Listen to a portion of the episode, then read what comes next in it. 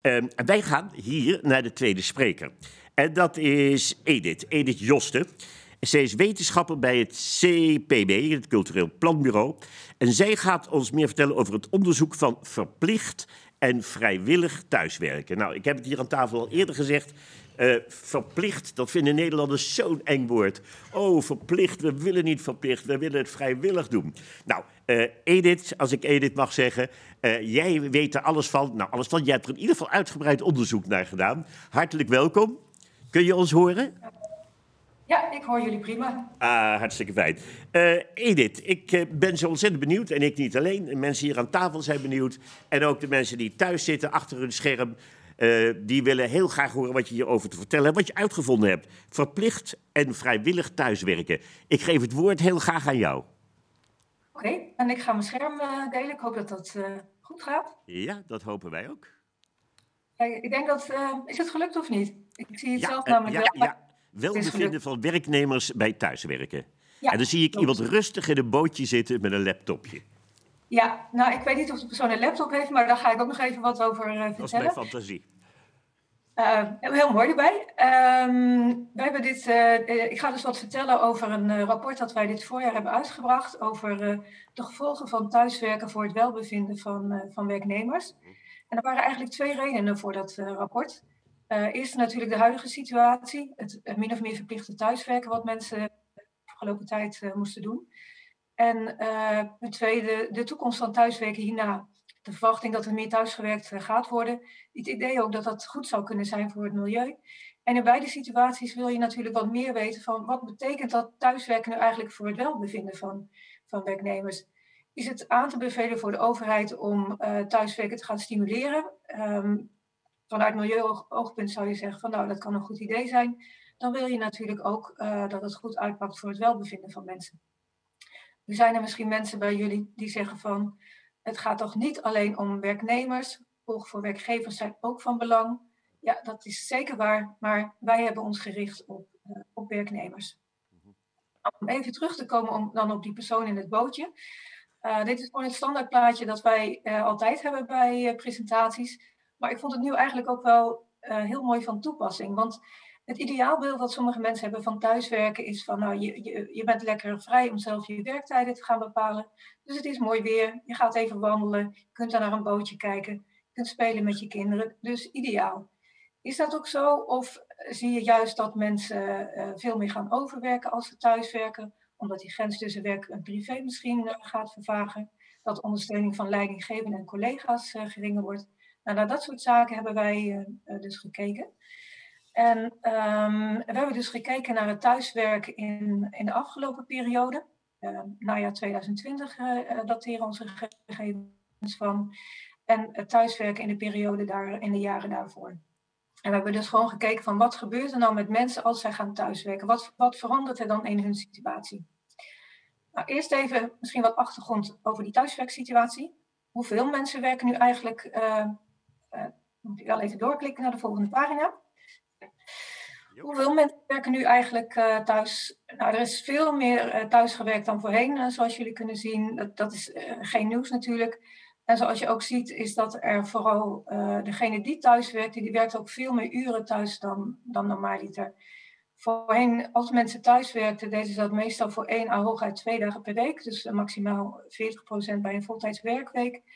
de afgelopen periode was het aantal uren thuiswerken veel hoger een, vrij groot gedeelte van de mensen werkte volledig thuis. En er waren ook mensen die een heel groot gedeelte van hun tijd uh, thuis werkten. Die hooguit één à twee dagen per week naar hun werk werkten. Uh, dan nog even iets over die omstandigheden thuis. Um, hoe was die thuiswerksituatie nou? Hadden mensen een, een, een postzegel in, in, Amsterdam, zoals uh, de vorige spreker er uitdrukte? Of hadden mensen goede werkruimte thuis? Um, de minderheid had een aparte werkruimte thuis, ongeveer uh, uh, bijna vier op, iets meer dan vier op de tien. Maar desondanks kon een grote meerderheid kon toch thuis ongestoord werken, ruim 80 procent. Dus kennelijk hadden mensen wel hun thuiswerkplek zodanig weten in te richten dat ze daar ongestoord konden werken. Ook al hadden ze daar een andere ruimte voor, ook al moesten ze daar een andere ruimte voor gebruiken, die ook voor andere doeleinden werd gebruikt. Denk aan de slaapkamer, denk aan de keuken, denk aan de woonkamer ik denk dat iedereen dat wel bij collega's heeft gezien.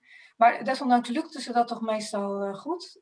Ehm, er was één groep die wat vaker problemen had met ongestoord werken thuis. En dat waren moeders met jonge kinderen.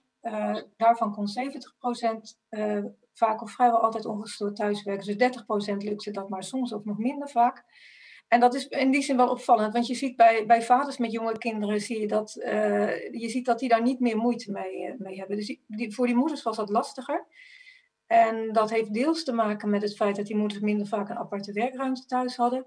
Maar het heeft toch waarschijnlijk ook wel mee te maken dat zij gewoon vaker gestoord werden dan vaders door, door kinderen. Dus dat als kinderen thuiskomen uit, uit de basisschool, hebben vragen opmerkingen, dat ze dan toch eerder naar hun moeder toe gaan dan naar hun vader.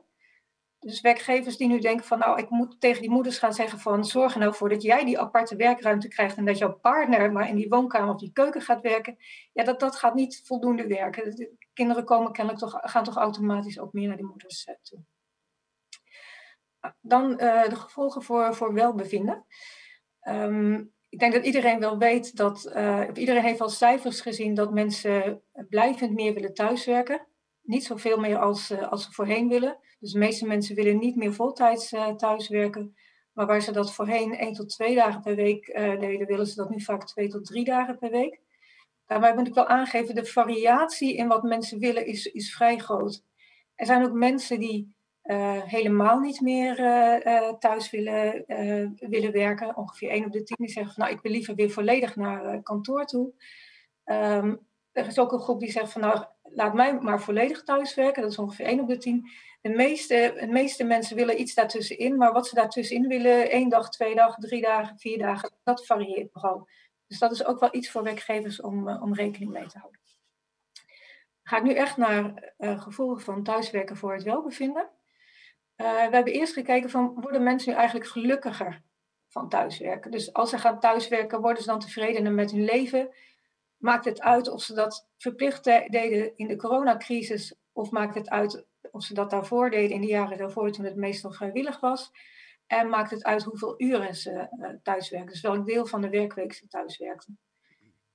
Nou, jullie zien hier een hele mooie rechte lijn. En uh, die laat zien dat er dus de, de geluksgevoelens van mensen, uh, die veranderen eigenlijk niet onder thuiswerken. En dat maakte daarbij ook niet uit hoeveel mensen thuiswerkten en of ze dat in de coronatijd deden of niet. Dus werkgevers die denken van nou, ik maak mijn werknemers uh, ontzettend. dus het is niet zo dat je werknemers ontzettend veel gelukkiger worden van thuiswerken. Ehm, maar er zitten dus wel andere voordelen voor hen aan, want ze hebben dus wel die behoefte. Maar het zit dus niet zozeer in het feit dat ze heel erg gelukkig geworden uh, van thuiswerken. En misschien ook nog belangrijk om te vertellen, er is ook een groep uh, nu de afgelopen tijd die toch echt wel moeite had met het thuiswerken. Dus uh, je moet als werkgever ook niet denken van, goh, ik kan, het is goed voor het milieu, ik ga iedereen gewoon voortaan thuis laten werken.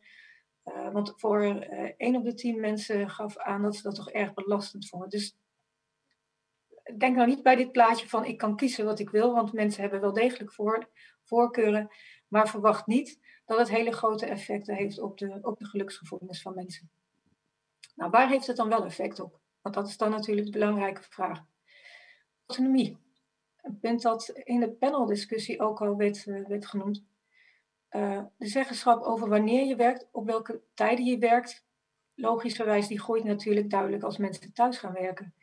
Uh, het is natuurlijk ook minder zichtbaar voor een leidinggevende hoe laat je nou precies begint. Laten we wel zijn of ik mijn computer aanzet om half negen of om negen uur. Dat ziet mijn leidinggevende gewoon niet. Uh, dat geldt ook in een heleboel andere beroepen. Natuurlijk niet in alles. Er zijn ook mensen die thuiswerken en daar wel degelijk vaste tijden hebben. Bijvoorbeeld omdat ze bij een helpdesk uh, werken. En het tweede wat je ook ziet is dat die autonomie groter was naarmate mensen meer uren thuiswerkten. En dat betekende dus ook dat in de corona pandemie uh, het thuiswerken toen tot een extra grote groei in zeggenschap over de werktijden leidde. Omdat mensen gewoon veel meer uren thuiswerkten dan dat, dat ze normaal te doen. Dus mensen zijn nu bij het huidige thuiswerken een grotere autonomie over hun werktijden gewend dan bij het thuiswerken voor de coronapandemie. Misschien ook wel goed voor werkgevers om dat te weten, want dat is, die autonomie is ook over de werktijden, is juist ook een van de dingen waarom mensen graag willen blijven uh, thuiswerken. En ze zijn dat dus nu meer gewend, een grotere autonomie bij thuiswerken dan bij het thuiswerken voor de coronapandemie. Wat verder ook toenam, en daar heb ik geen plaatje van, is de autonomie over hoe je je werkzaamheden inricht, in welke volgorde je werkzaamheden doet, welk werktempo je hebt. dat, die, die maat van autonomie groeit ook bij thuiswerken, maar niet zo sterk als die zeggenschap over de werktijden. Die zeggenschap over de werktijden die, die groeit het sterkst. Um, dan, overwerk.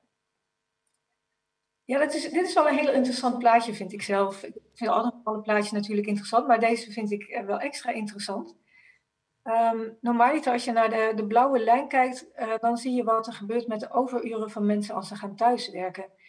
En uh, pre-corona zag je dus dat zij, als mensen wat meer uren gingen thuiswerken, gingen thuiswerken, dat ook de overuren toenamen. Daar is een beetje de vraag van wat is daar oorzaak en gevolg. Dus werken mensen, gingen mensen meer thuiswerken en dachten ze van nou, ik, heb, uh, ik ben mijn reistijd uh, heb ik nu niet, dus ik kan wat meer uren maken voor mijn werk. Uh, of ik, ik mag van mijn werkgever thuiswerken, maar mijn werkgever moet niet denken dat ik de kantjes ervan afloop, dus ik ga extra veel uren werken. Of zat de oorzaak en gevolgrelatie net andersom? kwam het wel eens voor dat mensen heel veel werk te doen hadden en gingen ze dan thuiswerken omdat ze thuis minder vaak gestoord werden en daardoor efficiënter konden, konden werken. Ik weet dat bij mezelf het laatst in ieder geval wel eens uh, speelde. Dat als ik twee dagen per week ging thuiswerken, dat vaak was op het moment dat ik het heel erg druk was. Dus hier, voor de coronacrisis is een beetje de vraag wat oorzaak en gevolg is. Maar je zag in ieder geval bij thuiswerken toen dat er meer overwerk plaatsvond. Thuiswerken in de coronacrisis, dat is die, eh, die rode lijn, daar zie je dat niet. Gemiddeld genomen, voor alle duidelijkheid. Er zullen beslist uitzonderingen zijn. Um, zal een aantal oorzaken hebben. Ik vermoed dat het in een aantal sectoren ook gewoon um, de hoeveelheid werk gewoon uh, minder was op dat moment. Dus er was ook niet zo'n behoefte aan, uh, aan overwerk. En wat misschien ook meespeelde van, nou, uh, misschien speelde ook mee van iedereen werkte thuis, dus je hoefde ook niet extra hard te gaan werken om, om, om goed zichtbaar te zijn. En het tweede natuurlijk, die, die andere oorzaak die ik net aangaf, dat mensen gingen thuiswerken juist omdat ze veel werk te doen hadden, dat speelde natuurlijk niet bij de coronacrisis, want iedereen werkte thuis. Um, het gevolg hiervan was ook dat uh, mensen in de coronacrisis bij thuiswerken een flinke tijdsbesparing hadden. Want geen extra overwerk, reistijd valt weg. Mensen werkten veel uren thuis, dus er viel veel reistijd weg. Dus de besparing was gemiddeld zo'n bijna drie uur per week. En dat is natuurlijk flink. En dat was ook één, is ook een van de redenen uh, waarom mensen graag willen blijven, uh, willen blijven thuiswerken. Die tijdsbesparing die ze, die ze hadden. Bij thuiswerken pre-corona was er overigens geen tijdsbesparing. Omdat uh, de tijdsbesparing op reistijd viel weg tegen het extra overwerk. Ik durf geen voorspelling te geven over hoe dat hierna zal gaan bij het hybride werken. Wel dat dit een aandachtspunt gaat zijn. Um, wat betekent dan thuiswerken voor de werk-privé-balans? Want we zien dus, uh, in coronatijd was er dan een, een, besparing op tijd. Uh, niet in de jaren voor corona, maar wel in de coronatijd een besparing en gewoon een tijdsbesparing. zeggenschap over werktijden verbeterd. Dus zie je dan ook dat mensen vinden dat die werk-privé-balans uh, beter is? Dat de afstemming tussen werktijden en thuissituatie makkelijker is? Ja, het verbetert wel wat, maar de verbetering is vrij, is vrij licht. In vergelijking met die toename in autonomie is, is, die, is, is deze verbetering vrij licht. En wat hierbij opvallend was, uh, was dat je, als we weer even teruggaan naar die ouders met jonge kinderen, uh, vaders met jonge kinderen, dus met kinderen tot, uh, tot en met 12 jaar, die voeren duidelijk een verbetering in werk-privé-balans. Waarschijnlijk zorgt thuiswerken voor hen voor dat zij hun kinderen vaker kunnen zien. Meeste vaak, veel vaders werken fulltime. Als ze thuis zijn, hebben ze meer mogelijkheden om hun kinderen te zien. Terwijl zij niet zo vaak gestoord werden thuis. Dus ze hadden, zoals een collega van mij het uitdrukte, wel, wel de lusten, maar niet, niet de lasten van het thuiswerken. Ze konden wel de kinderen vaker zien, maar hadden niet, niet de last van dat ze gestoord werden door de kinderen die met vragen de werkkamer binnenkwamen. Bij moeders met jonge kinderen ligt dat anders. Daar verandert de werk-privé-balans niet bij thuiswerken. En dit was overigens zowel zo bij het thuiswerken in de coronacrisis, als mensen verplicht thuiswerken, als bij het thuiswerken voor de coronacrisis, als mensen daar zelf voor kozen. Dus ook dan in beide situaties zag je wel een verbetering van de werk-privé-balans bij vaders met jonge kinderen, niet bij moeders met jonge kinderen. Van ehm, contacten met collega's en ondersteuning door leidinggevenden. Ik heb alleen het plaatje over ondersteuning door leidinggevenden. Um, nou, zoals jullie zien, er verandert eigenlijk vrij weinig met thuiswerken. Mensen ervaren nog steeds een goede ondersteuning door hun leidinggevende. Het maakt daarbij ook niet uit welk deel van de tijd thuiswerkte. Het maakte daarbij ook niet uit of het ging om het thuiswerken in coronatijd of ervoor. En we weten ook dat dat in buitenlands onderzoek is dat ook heel vaak gevonden. Die ondersteuning door die leidinggevende, um, daarvan zeggen de meeste mensen wel van die blijft wel gelijk uh, als ze gaan thuiswerken. Contacten met collega's is natuurlijk toch wel een beetje een ander verhaal. Uh, mensen missen dat wel in coronatijd. En uh, we weten iets minder van de ondersteuning door collega's in de Nederlandse situatie. Wel hoe dat zit in, in, in buitenlands onderzoek. En daarvan weten we dat als mensen een klein deel van de werktijd thuiswerken, dat ze dan nog steeds evenveel ondersteuning van hun collega's ervaren. Maar als ze een groot deel van de tijd gaan, uh, gaan thuiswerken, en zeker als ze volledig gaan thuiswerken, dan uh, zie je toch dat die ondersteuning door collega's minder wordt. Dus dat de afstand tot uh, collega's sterker waarschijnlijk toch groter wordt. En dat collega's die dan wel op kantoor zijn, um, elkaar vooral ondersteuning geven. En dat er op een gegeven moment misschien toch iets minder aandacht ontstaat voor de mensen die thuis zitten. Nou, wat betekent dat nou voor het hybride werken? Welke, welke aandachtspunten kan je hier nou uit afleiden voor, uh, voor het hybride werken? Um, punt 1 denken wij dat het van belang is dat je mensen voldoende keuzemogelijkheden geeft in hoeveel ze willen thuiswerken.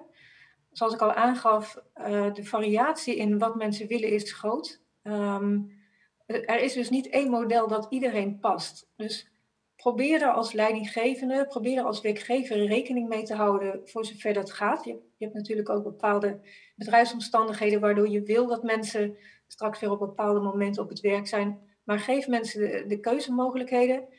Uh, zorg er dus ook voor dat er voldoende werkplekken zijn voor mensen die, die zeggen van ik wil toch liever weer volledig op kantoor werken of ik wil, uh, wil maar beperkt heel, uh, heel beperkt heel thuis werken.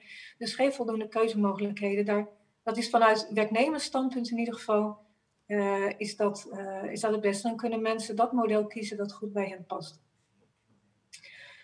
Verder, zoals ik aangaf, uh, die autonomie over die werktijden, die was echt behoorlijk toegenomen in coronatijd. Ik denk dat mensen dat nu ook min of meer gewend zijn, bijna om dat te hebben. Dus kijk welke, en, en, die autonomie was meer toegenomen dan je normaliter bij thuiswerk ziet. Dus kijken naar als werkgever van wat kun je eraan doen om die, die zeggenschap over de werktijden te behouden. Zijn daar mogelijkheden voor of niet? Hoe kun je dat inrichten? Dat is denk ik ook een belangrijk aandachtspunt eh, voor werkgevers. En het uh, derde aandachtspunt is um, bij hybride werken. Als, je, als sommige mensen veel thuis werken, andere mensen werken weinig thuis. Hou in de gaten hoe dat zit met onderlinge steun van collega's. Zorg ervoor dat de mensen die veel thuis werken niet buiten de boot uh, vallen. Zorg er ook voor dat er voldoende mogelijkheden zijn voor informeel leren van elkaar. Um, dat werd ook al bij de paneldiscussie aangegeven. Jongeren bijvoorbeeld en mensen die net van werkgever zijn veranderd. Uh, voor hen is het heel belangrijk dat zij kunnen leren van collega's. Dat doe je soms ook door gewoon te zien hoe, hoe, wat collega's doen. Um, en zorg er ook voor dat mensen daar dus voldoende mogelijkheden voor houden. En dat, dat zal lastig zijn uh, op het moment dat uh, iedereen heel veel thuiswerkt en die nieuwe medewerkers die, uh, die zitten allemaal op kantoor. Dan is, er, dan is het lastig om, om te leren van ervaren collega's. Dus zorg ervoor um, dat, dat daar toch voldoende mogelijkheden voor zijn. Zorg ervoor dat dat op een bepaalde manier ingericht kan, kan worden, digitaal. Of toch dat, dat mensen voldoende op kantoor zijn. Um, zodat, zodat die mogelijkheden voor leren er, er zijn. Oké. Edith, ik uh, moet je hier even gaan onderbreken. Ik neem aan dat je bijna aan het eind van je verhaal bent, maar we hebben nog maar heel kort tijd voor de mensen hier aan tafel om op jou te reageren. En ik heb ze hier aan tafel heel veel zien schrijven. En bij alles wat je zei, want het was trouwens een heel duidelijk verhaal. Hè? Ik vond het een heel glashelder verhaal wat je hebt neergezet. Heel duidelijk. Uh, en daarom dat iedereen hier uh, nog heel graag er iets over wil zeggen. Um, Oké, okay, ja, dus, ja, blijf er alsjeblieft bij. Uh, Paul, jij was de eerste die al halverwege het verhaal zei: Mag ik iets vragen? Toen zei ik: Nou, laten we nog even het verhaal afmaken. Maar nu mag je losbarsten. Ja, dit was weer, weer een begripsvraag. Ik neem aan dat het onderzoek gedaan is door mensen die alleen thuis kunnen werken. Dus niet de mensen in de zorg. Of, hè, dus eh, de eerste vraag is, kunt u thuis werken? Dus dat was meer, Ja. meer een begripsvraag. Nou ja, goed. Het, het, wat mij opvalt, zodra we zeggen van eh 1 op de 10 hè, eh, vindt het heel erg leuk of, of vindt het eigenlijk helemaal niet leuk. Maar dan zeggen we eigenlijk dus dat 90% Ja. van de mensen die thuis kunnen werken, het eigenlijk prettig vindt om toch eh, gedeeltelijk of geheel thuis te werken. Hadden we van tevoren ook niet, denk ik, zo kunnen nee, denken. nee, dat wil ik ook Een wel. jaar geleden. Nee, nee. En Nee, dat maar is, bij het wel gaat om, om hoeveel werken ze dan thuis. Hè? Want wat ik zei, daar is die variatie in, in vrij groot. Ja. En de meeste mensen willen toch liever niet meer volledig eh thuiswerken. Nee, maar dat, dat kunnen we allemaal invoelen, denk ik inderdaad. Hè? Maar, maar het betekent voor werkgevers dat je dus eigenlijk eh, ja, dat, dat het thuiswerken een, eh, de nieuwe norm is geworden. En niet 100%, maar wel gedeeltelijk. Ja. En ik kan me ook nog herinneren dat, dat directeuren of managers discussies hadden van met medewerkers, ja, mag ik ook één dag thuiswerken? Nou, dat moest er wel in het team nog even besproken besproken worden een jaar geleden. Hè? En dat, zo zien we hoe dat in een jaar eh, veranderd is. Ja, Michel, Ja. mee eens? En, nou, en, en, en wat wilde jij opmerken? Want je had een aantal dingen. Ja, absoluut. Nee, en ik, ik denk een heel eh, zinvol, eh, waardevol eh, onderzoek. Ja, Eh, Mooi. Heel mij- helder. Ja, absoluut. Eh, wat voor mij wel twee dingen opvallend zijn. En je projecteert natuurlijk ook vaak heel erg op je eigen situatie. Eh, dat, eh, dat eruit kwam dat de geluksgevoelens eh, niet veranderen met thuiswerken. Eh, ik ervaar dat zelf privé anders. Hè, want ja, ik heb inderdaad veel minder reistijd. Dus ik kan sneller de tijd besteden aan mijn privé en, en aan, aan mijn gezin eh, daarna. Dus dat geeft mij in ieder geval wel een, een, een hoger familiegeluksgevoel. Dus ja, dat zou ik zelf niet herkennen. En ehm, ja, de werk-privé-balans dat die niet verandert, eh, dat had ik ook niet verwacht. nee. Ik ervaar zelf wel meer dat, hè, als, als in, in mijn geval, hè, als de kinderen op bed liggen, eh, ja, dat je dan toch nog wel even achter de computer kruipt, omdat je een aparte ruimte hebt. Ja, ja, En je laptop staat nog open. ja. Eh, oh ja, laat ik toch nog maar even daarop reageren. Ja. Mag, ik, mag ik daar een begripsvraag stellen? Want jij bent onderzoeker. Hier, hier zou het een soort trap of the mean kunnen zijn. Hè? Is dat universeel de antwoorden allemaal zo? Of is het zo dat, eh, dat we zeggen van nou, eh, het, het grote geluk aan de ene kant middelt het veel lager geluk aan de andere kant uit. En gemiddeld zijn we dan eigenlijk niet gelukkig geworden. Maar dat is misschien een detailvraag, want dat zou ik me wel kunnen voorstellen. Want ik kan me ook niet voorstellen dat dat geluk voor iedereen zo'n Is één is gelijk. is. is. Ja, ja. Was aan tafel, we zaten allemaal Ja. driftig te schrijven. Ja. Ik kon ons bijna niet voorstellen. Dus Edith, Dat je misschien constant gelukkig bent. Ja. dat kan ook is niet. dat een gemiddelde van twee uitersten? Of is het... Het is een gemiddelde. Ehm, het is ook zo dat er een groep was die dus wel ongelukkiger werd. Eh, dat is de groep die het erg belastend vond. Die, die, werd, dus, eh, werd dus ongelukkiger. Er zijn dus ongetwijfeld er zijn mensen die, die gelukkiger werden. Maar het is een beetje lastig om aan te wijzen welke mensen dat nou precies eh, zijn. Dus het, ja, gemiddelde. Wat betreft die werk-privé-balans, die werk-privé-balans verbeterde licht. Het is dus niet dat er geen verbetering was, maar even op terug te komen.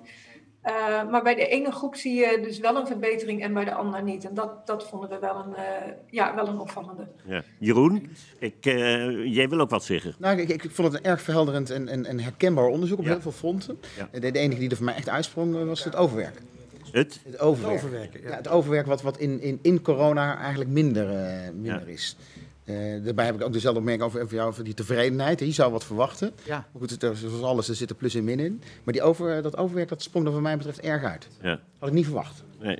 Maar ook een goede, goede verklaring van jullie vanuit de eigen, van van Edith, vanuit de eigen ervaring. Van ja, vroeger ging je overwerken als het echt nodig was. Dan ging je even concentreren om het rapport af te maken. En dan, eh, ja, die reistijd pak je dan zelf op. Ja. Wat ik, als ik, wat ik Ja. opvallend vond, het meest opvallende misschien, is dat ehm, de ondersteuning vanuit leidinggevende Ja. eigenlijk door werknemers, hè, dit is een werknemersonderzoek, dat die door werknemers eigenlijk hetzelfde werd ervaren in Ja. coronatijd. Terwijl ik durf te weten dat het vanuit de, de de werkgevers, veel meer tijd en energie heeft gevraagd. Dus ik zou dit wel een mooi resultaat vinden, want Ja. er is meer ingestopt en dan ben je eigenlijk best wel blij als je nog het, dezelfde ondersteuning, als een medewerker dezelfde ondersteuning voelt. Dus dat vond ik nog een cadeautje wat je Ja. had verpakt. Ja. En dat hij met plezier heeft uitgepakt. Dat eh, zie ik zie me wel aan zijn gezicht. Hij is er heel blij mee. Ja. Ja. Eh, kinderen thuis. Jij, hebt jij, oh, sorry, sorry. Nee, kom maar, kom maar, kom maar. Nee.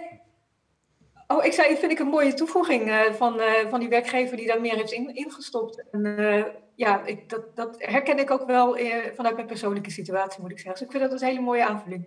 Dat je dat eh, erbij vertelt. Ja. Nou, ik wilde even over die persoonlijke situatie zeggen, want ik zag ook eh, Jeroen eh, eh, knikken, ook met kinderen thuis. Ja.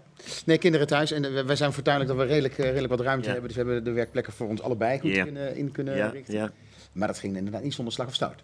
Nee. Dus daar merk ik wel dat, dat, dat, dat, dat, eh, dat kinderen stiekem toch altijd wel makkelijker naar de moeder gaan. Ja. Ja, misschien brom ik gewoon wat meer tegen de kinderen. Hè, van, la- laten we dan maar naar moeders gaan. ja, ja. Maar, maar dat, ik vind dat wel herkenbaar. ja. Dus, dus, eh, Ja, dat, en dan heb je inderdaad, als je een, een beetje verwend bent met ruimte, dat is natuurlijk nog net iets makkelijker dragen. Maar inderdaad, als je weer op de. We we hebben de postzegel al een paar keer voorbij horen komen. Maar dan is het leven natuurlijk net even iets anders in zo'n situatie. Absoluut. En dan kijk je er heel anders eh, tegenaan. En dat eh, lijkt mij eh, best wel zwaar. En er zijn ook postzegels in Roermond en Veenendaal. Hè? Dus, Ja. eh, het, is, het is niet alleen het exotische Amsterdam. Dus, eh, Nee, nee, nee. nee. Ja, dat zagen wij ook in het onderzoek. Voor mensen die eh, geen aparte werkruimte thuis hadden, daar was dat, eh, die vinden vaker dat het thuiswerken erg belastend was. En er was bijvoorbeeld ook iemand die bij zich, om even als een specifiek voorbeeld te geven, die schreef van ik zit met mijn koptelefoon op onder de trap te werken. Ja, Ja. Dat is natuurlijk een hele andere situatie dan als je een aparte werkkamer eh, hebt. En, en op het moment dat beide thuiswerken is het natuurlijk ook eh, vaak al lastig om dat eh, te regelen. En Ik, ik, ik kan me ook voorstellen dat de mensen die alleen zijn, dat die tegen hele andere uitdagingen Ja. aanlopen. Als dat je met een gezinssituatie Ja. zit of samen. Ja. Als je alleen bent, eh, en zeker in zo'n jaar als 2020, waarin Ja. we toch meer geïsoleerd waren dan 2021, denk ik wel dat je daar andere uitdagingen zal, eh, zal hebben. En daar zou je als werkgever eh, dus ook naar moeten kijken. Hè, Wie, wie, wie is er alleen? Ja. Is dat in dat onderzoek ook meegenomen? Ja, we hebben, gekeken naar, we hebben gekeken naar alleenwonenden. Ehm, je ziet dat eh, alleenwonenden gaven dus inderdaad vaker dan anderen aan dat ze het erg belastend eh, vonden. Dat uit mijn hoofd zegt nu even 20 procent. Mhm. dan nog is, is, was er dus een, eh, toch ook een vrij grote groep alleenwonenden die niet, niet heel erg, eh, voor wie het niet heel erg belastend was. Maar gemiddeld genomen hadden zij er inderdaad eh eh, vaak moeite, moeite Maar mee. het, het belastende, wat was dan het belastende in die groep? Kun je dat Ehm, aangeven? Ja, dan moet ik een beetje putten uit wat mensen gewoon sowieso bij die vragenlijst hebben geschreven. Want het, Ja. voor alle duidelijkheid is het gewoon, het is een vragenlijstonderzoek geweest. We hebben geen interviews kunnen houden waar we de diepte in konden gaan. En eh, wat bij mensen speelde, en dat, dat, wat ik nu vertel is even iets breder dan, dan alleen wonen. Dit zijn een aantal voorbeelden. Eh, dat mensen opschreven van ja, alle, alle dingen die het leven leuk maken. ehm, eh, ergens, naar, want dit was najaar 2020, hè, ergens naartoe gaan, een concert bezoeken, eh, theater bezoeken. Dat is er allemaal niet. En ik zie ook mijn collega's niet. Dus ik zit al vanaf maart eh, thuis zonder contacten met anderen. Ehm, ook e- één iemand die ja, ik ben juist van, van werk veranderd om meer contact met collega's te hebben. Want het werk dat, dat ik daarvoor deed was erg eenzaam. Ja. En nu zit ik nog de hele dag thuis. Ja, ja. Ehm, dat, soort, eh, eh, dat soort zaken speelden. En inderdaad dan ook in combinatie eh, met het punt dat men ook buiten het werk natuurlijk de mogelijkheden voor contacten beperkt waren. Ja. En, en die combinatie maakt het voor sommige mensen zwaar. Ja. Ja, ja nou ja, dat, kunnen, dat kan iedereen zich voorstellen. Want iedereen zit er in een andere situatie. En dat horen we hier ook aan tafel. Er, zijn, er waren ook mensen die het juist fantastisch vonden. Ja, En zei, thuiswerk bevalt prima. ja. We gaan door. Oké, jullie hebben allemaal nog meer zitten schrijven. Dus ik ga, maak gewoon even het rondje. Ik kom eerst weer even bij jou, Michel. Ja, ja je, je gaf ook aan hè, dat het voor moeders eh, belastender is. Hè, dat de kinderen sneller naar, eh, naar hun moeder lopen. Eh, verwacht je ook zeg maar, dat moeders weer sneller terug willen naar kantoor dan vaders? Omdat ze dan zeg maar, hè, op het kantoor zich misschien wat beter kunnen concentreren. Minder kans op dat ze afgeleid of gestoord worden. Omdat dat heel specifiek in het onderzoek ja, kwam. Ja, Nee, ik, eh, dat, dat is dan misschien raar. Dat verwacht ik niet. Eh, wij hebben, we hebben er over zelf niet naar gevraagd. Ehm, maar ik weet uit onderzoek van anderen dat, dat vrouwen even vaak als mannen, evenveel als mannen eh, willen blijven thuiswerken.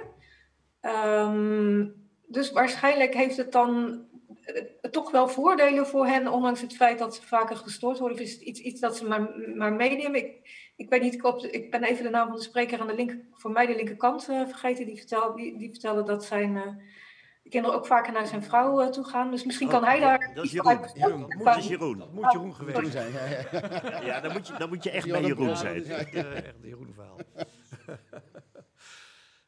Eh, eh, sorry, nou, nou, we waren zo druk aan tafel dat we je laatste woorden niet hoorden. Maar je moest dus bij Jeroen zijn met je laatste Ja, ik denk dat ik, want ik verwacht dus niet dat eh, vrouwen ga- vaker gaan zeggen van nee, ik, ik, ik, ga, meer, ik ga meer naar kantoor toe dan mannen. Dat verwacht ik dus niet. Maar misschien kan hij het vanuit privé situatie aanvullen. Nou, Of- misschien, misschien denk ik wel een aanvulling erop. Van, ik verwacht dat het positieve effecten zal geven op de arbeidsparticipatie. Hè, hybride werken, dat geeft meerdere mogelijkheden. Ja. In, in- afhankelijk van je situatie. Eh, ik zie trouwens een, eh, een vraag binnenkomen. Eh, mag ik even aan de dir- directeur vragen, dat on-air bordje, kan dat iets opzij, want die staat voor mijn scherm. Ja, helemaal goed. Er is een vraag binnengekomen van Eliane Bos. En ze vraagt, Eliane, leuk trouwens, hè, dat wil ik echt toch weer zeggen. Ik vind het zo leuk als jullie thuis niet alleen denken, oh ja, ze praten maar wat. Nee, doe gewoon mee. Vinden we heel fijn. Eliane Bos dus. Is er ook gekeken naar de opname van vakantiedagen? Dus of dit meer of minder is in coronatijd? Nee, hebben wij niet naar gekeken. En mijn verwachting is overigens dat er minder vakantiedagen zijn opgenomen. Zeker in het voorjaar. Ja. En, de- en de zomer ook nog. Nu in het jaar, ja, najaar beginnen mensen misschien weer. Ja. Maar Ja, Pa- Paul, jij knikt. Ja, dat, dat kan ik bevestigen. Eh, en er is, er is zelfs heel veel discussie geweest. Want er is een misvatting dat eh, werknemers mogen bepalen wanneer ze vakantie hè, oppakken. Eh, dat is altijd uiteraard een samenspel, maar uiteindelijk geeft de werkgever toestemming wanneer de werknemer vakantie kan pakken. En nu was dat bijzonder, want de vakanties waren al aangevraagd. Ja. De vakanties waren ook veel al geboekt en dat viel ineens weg. En toen kwamen veel medewerkers met het verhaal van... nou, laat maar zitten, ik, ik, ik werk wel liever door. Ik bewaar het. ik bewaar het, Ja. heel terecht, want dan kan ik echt van mijn vakantie genieten, dichtbij of ver weg. Ja. Eh, ja, en dat is, dat is eerder een, eh, ja, dat, dat is ook, af en toe heeft dat tot discussie geleid. Dan krijg je te veel aanbod op een niet gepland moment. Ja. Dus ik herken dat wel, er is, eh, er is eh, minder vakantiedagen zijn opgenomen dan regulier. Ja. En die ervaring hebben jullie ook allemaal? Ja, absoluut. Ja. absoluut ja. Ja. Verlof is ingetrokken en eh, ja, in de hoop op te nemen dat het moment dat het wel kan. tijden. Het was te onzeker voor veel, veel medewerkers. Ja, dat, ja, dat kun je je voorstellen. Eh, nou, Eliade Bos, ik hoop dat je eh, antwoord hebt gekregen op je vraag over de vakantiedagen. eh, die dus inderdaad, of dit meer of minder is. Nou, dat weten we, minder dus. Nog even terug naar dat prachtige onderzoek van Edith. Zijn er hier nu nog vragen over hetgeen jullie in haar verhaal hebben gehoord? Want het was een vrij uitgebreid verhaal. Ik heb er geen notities bij gemaakt, maar jullie wel, zag ik. Dus is, is er nog iets op jullie lijstje waarvan je nu zegt, dat wil ik nog even kwijt? Eh, ik, nee, Ja, ik heb, Ja? eh, eh, we hebben het ook, overigens inderdaad, eh Edith, geweldig helder onderzoek. Ja, dat, dat vond ik ook trouwens, wil ik ook nog even extra benadrukken, de Edith. En en dat vinden we allemaal hier aan tafel en, en de mensen thuis waarschijnlijk ook. Dat hoor ik niet, maar echt heel duidelijk en goed verhaal. Ja, en het gaat heel terecht de grens werk-privé wordt benoemd. En vanuit een ander onderzoek, meer als aanvulling, ehm, hebben we gele- geleerd dat medewerkers, 30% van de medewerkers, ehm, eh, vaak een schuldgevoel heb, heeft eh, als ze een pauze pakken of als ze zeggen ik ga Ja. eerst sporten en daarna werken. Dus dat zit toch nog in onze Calvinistische natuur. Ja, Van ja, ik, eh, ik word niet gecontroleerd, ik werk wel thuis. ja. Maar ik wil het netjes doen. Want Ja. als je in- op kantoor of een andere werkomgeving of eh, in een ziekenhuis en je gaat met elkaar naar de kantine, dan is het sociaal gedrag. Ja, ja. En nu beslis je zelf dat jij nu je pauze mag pakken Ja. en even niet aan het werk bent. Dus dat was opvallend, 30% die daar toch een licht schuldgevoel moest overwinnen en aan moest wennen. ja. Heel apart. En dat komt allemaal omdat dat werk-privé zo in elkaar overloopt of dezelfde plek is. Ja. Dat helpt niet. Ja. ja, wij kijken nog steeds naar Edith, maar Edith ziet ons volgens mij niet meer, want ik zie dat het beeld helemaal stilstaat. Edith, hoor je ons nog wel? Oh, ik zie nu iets. eh, met eh, haper, Sorry? haperingen. Ah, het haper- hapert. dus ik heb niet kunnen verstaan. Ah, Oké, nee, dat vermoedde ik al. Eh, Oké, eh, nou, we, we zijn in ieder geval allemaal, dat heb je hopelijk wel meegekregen, heel blij met je onderzoek, waar iedereen enthousiast voor is. Eh, Paul heeft net zijn laatste opmerking, tenminste, ik zeg laatste, Helemaal. besteed, een laatste opmerking geplaatst. Dus vraag ik Jeroen nog even. Jeroen, nog een laatste ding wat je kwijt wil over dit onderwerp? Nou, ik, ik, ik denk dat, dat, dat wat herkenbaar is, is, is de, de, de balans die we met z'n allen zoeken. Ja. Balans voor, voor, voor alle partijen aan tafel. En, en dat je samen op zoek gaat Ja. en samen gaat experimenteren. Ja. Hè, Van, wat is nou de beste weg? En, Ja. en daar hebben we nog een lange weg in te gaan. We hebben een hele lange weg te gaan, maar een spannende weg. waar eh, waarschijnlijk nog hele mooie dingen uit gaan komen. En in ieder geval het allerbelangrijkste, een verrassende weg. En dat houdt het leven leuk. Hè? Eh, jij nog één Ja, toevoeging? ik heb één eh, eh, korte gesloten vraag aan Edith. Eh, ga jij dit onderzoek eh, volgend jaar waarschijnlijk opnieuw doen? Om te kijken wat... Hè, je hebt nu zeg maar een soort nulmeting gedaan. Eh, ik kan me voorstellen dat je graag wil weten wat de mensen ja, ook dit jaar hebben ervaren. En hoe ze het hebben ervaren. Ga je dat volgend jaar ook weer doen? Wij, eh, wij- ik heb gebruik gemaakt van een, eh, een, een onderzoek dat wij iedere twee jaar doen. Dus dit onderzoek wordt, eh, wordt in 2022 weer gedaan. Ja. Interessant. Dan zijn wij heel erg geïnteresseerd als je het, dat opnieuw uitbrengt. Dan willen we er graag weer naar kijken, want we hebben nu eh, genoten van de duidelijkheid die je ons gebracht hebt. En het was een mooi onderwerp om over te praten en een mooi moment ook om, om af te sluiten. Ik wil jou heel erg hartelijk bedanken nogmaals eh, voor dat mooie verslag, voor het feit dat je bij ons was. Ik wil de mensen thuis bedanken, ik wil de mensen hier aan tafel bedanken voor hun aanwezigheid. We gaan even een korte pauze houden, kopje koffie, kopje thee, eventjes handen wassen. En eh, dan zien we elkaar met een kwartiertje terug voor de volgende ronde. Moet ik nog iets extra zeggen? Iets over. Oh ja, natuurlijk. Eh, als je thuis zit en denkt, nou, ik ga even een koffie drinken, ik blijf lekker zitten. Kun je toch naar de breakout rooms en naar de Exposantenplaza. Je weet wel, met die knop onder in je dashboard. Nou, eh, prettige pauze. Met een kwartiertje zien we elkaar weer. Tot zo.